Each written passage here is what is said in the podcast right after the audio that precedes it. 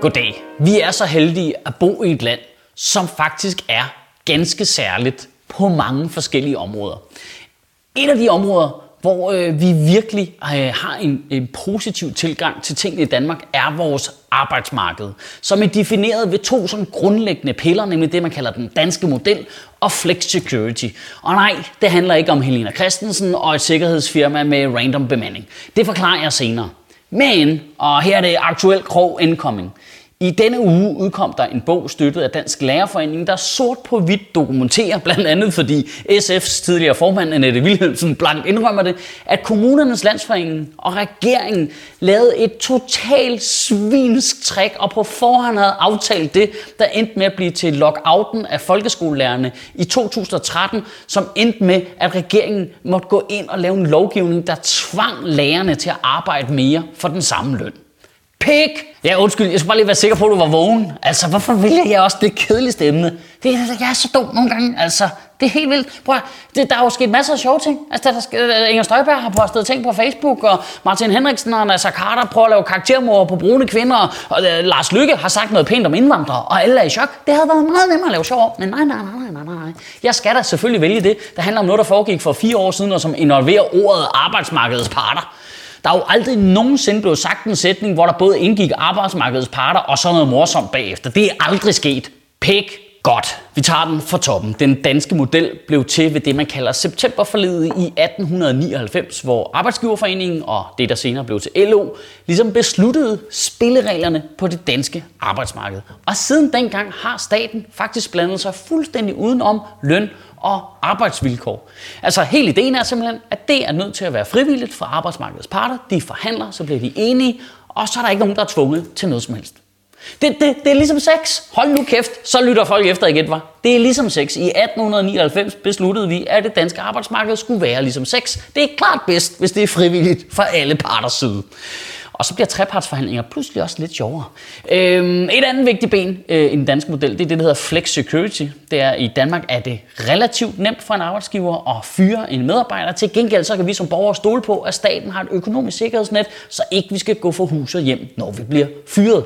Det er grundprincipperne i den danske model. Det, det, er, ligesom, det er fuldstændig ligesom sex. Det fungerer klart bedst, hvis du er tryg, og hvis du gør det frivilligt. Og hvis vi skal blive den analogi, så havner vi kun et sted, fordi S R og SF-regeringens øh, aftalespil og lockout af folkeskolelærerne i 2013 kan kun beskrives som en voldtægt. Det er ikke for at være makaber, det er bare der analogien føres hen. Det var ikke frivilligt for folkeskolelærernes side.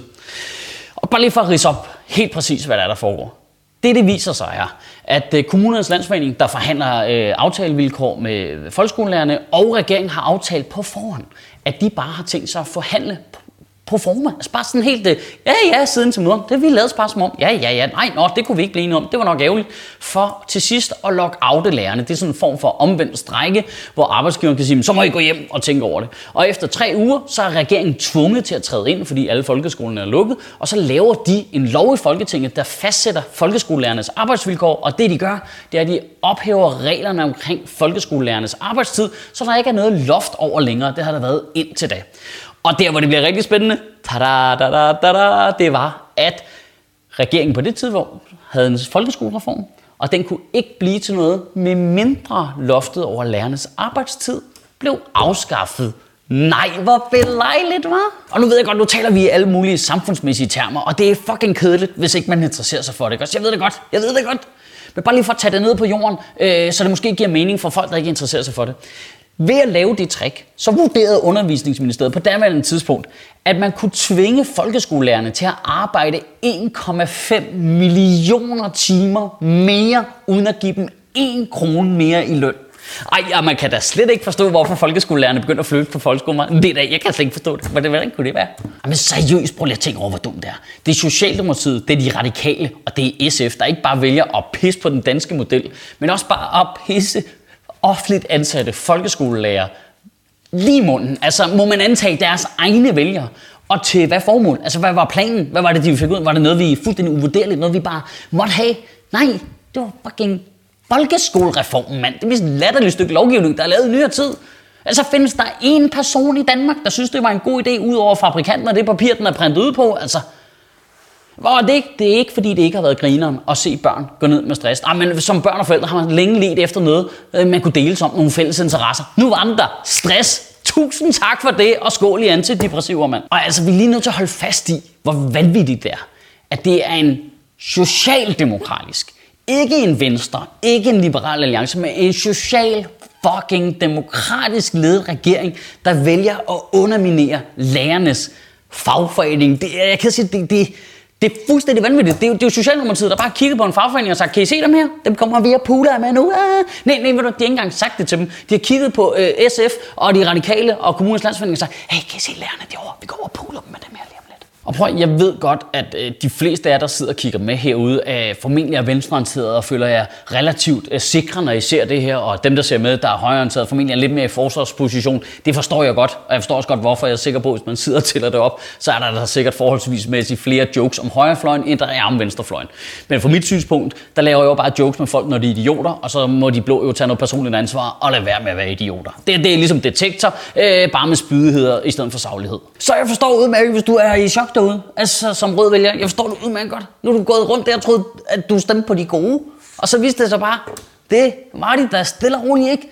De røde var fucking ledet ved lærernes fagforening. Altså det, på et niveau, hvor det jo selv sådan, så de mest anti-offentlige sektortyper kunne ikke finde på at gøre noget, der var så om. Altså, det, det, er, jo, det er jo helt vanvittigt. Det, hvorfor blive kærlighedslivsreferencerne? Så svarer du til, at du sidder lagt an på en øh, rigtig sød dame hele natten på et diskotek, og så bliver klokken pludselig 05, boing, så tænder de lyset, og så opdager du, hov, det, det, det, var, det var Helle Thorning, jeg lagt an på. Åh oh, gud, Michael, det er kedeligt. Du dræber mig med din kedelige ord. Det er kedelighedskryptonit. Hvorfor skal jeg høre om det? Det skal du, fordi det altså ikke er uvæsentligt. Vi lever i en tid, hvor politikerne bruger det meste af deres taltid på at forklare os alle sammen, at muslimerne kommer og ødelægger vores land. Men det er altså ikke muslimerne, der har ødelagt noget indtil videre, er lige ked af at gøre opmærksom på. Indtil videre er det Dansk Folkeparti, der bliver ved med at undergrave ombudsmanden helt målrettet og helt bevidst. Ombudsmanden er det mest danske, der findes. Det er Venstre, det liberale alliance, der skærer skive efter skive af vores velfærd, som er selve definitionen på det danske samfund. Og det er Socialdemokratiet, de radikale og SF viser det sig. Der lavede den danske model om til den svinske model. Det er bare lige for at gøre dig opmærksom på, at hvis du går op i at bevare Danmark, som vi kender det, så skal du huske ret blikket det rigtige sted hen, og ikke lade dig narre alt deres højslør. Man, man siger, at, at vi har de politikere, vi fortjener, men hvis det er rigtigt, så er der altså nogen, der render rundt derude og laver nogle fucked up ting, der trækker gennemsnittet ned. Jeg ved ikke, hvad der er, folk har gang i, om de waterboarder nogle bubibjørn eller hvad det er, men I er nødt til at holde op. Ja, vi er nogen, der rigtig gerne vil have de politikere, vi faktisk rigtig fortjener.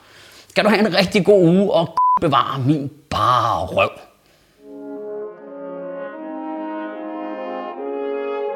Pik.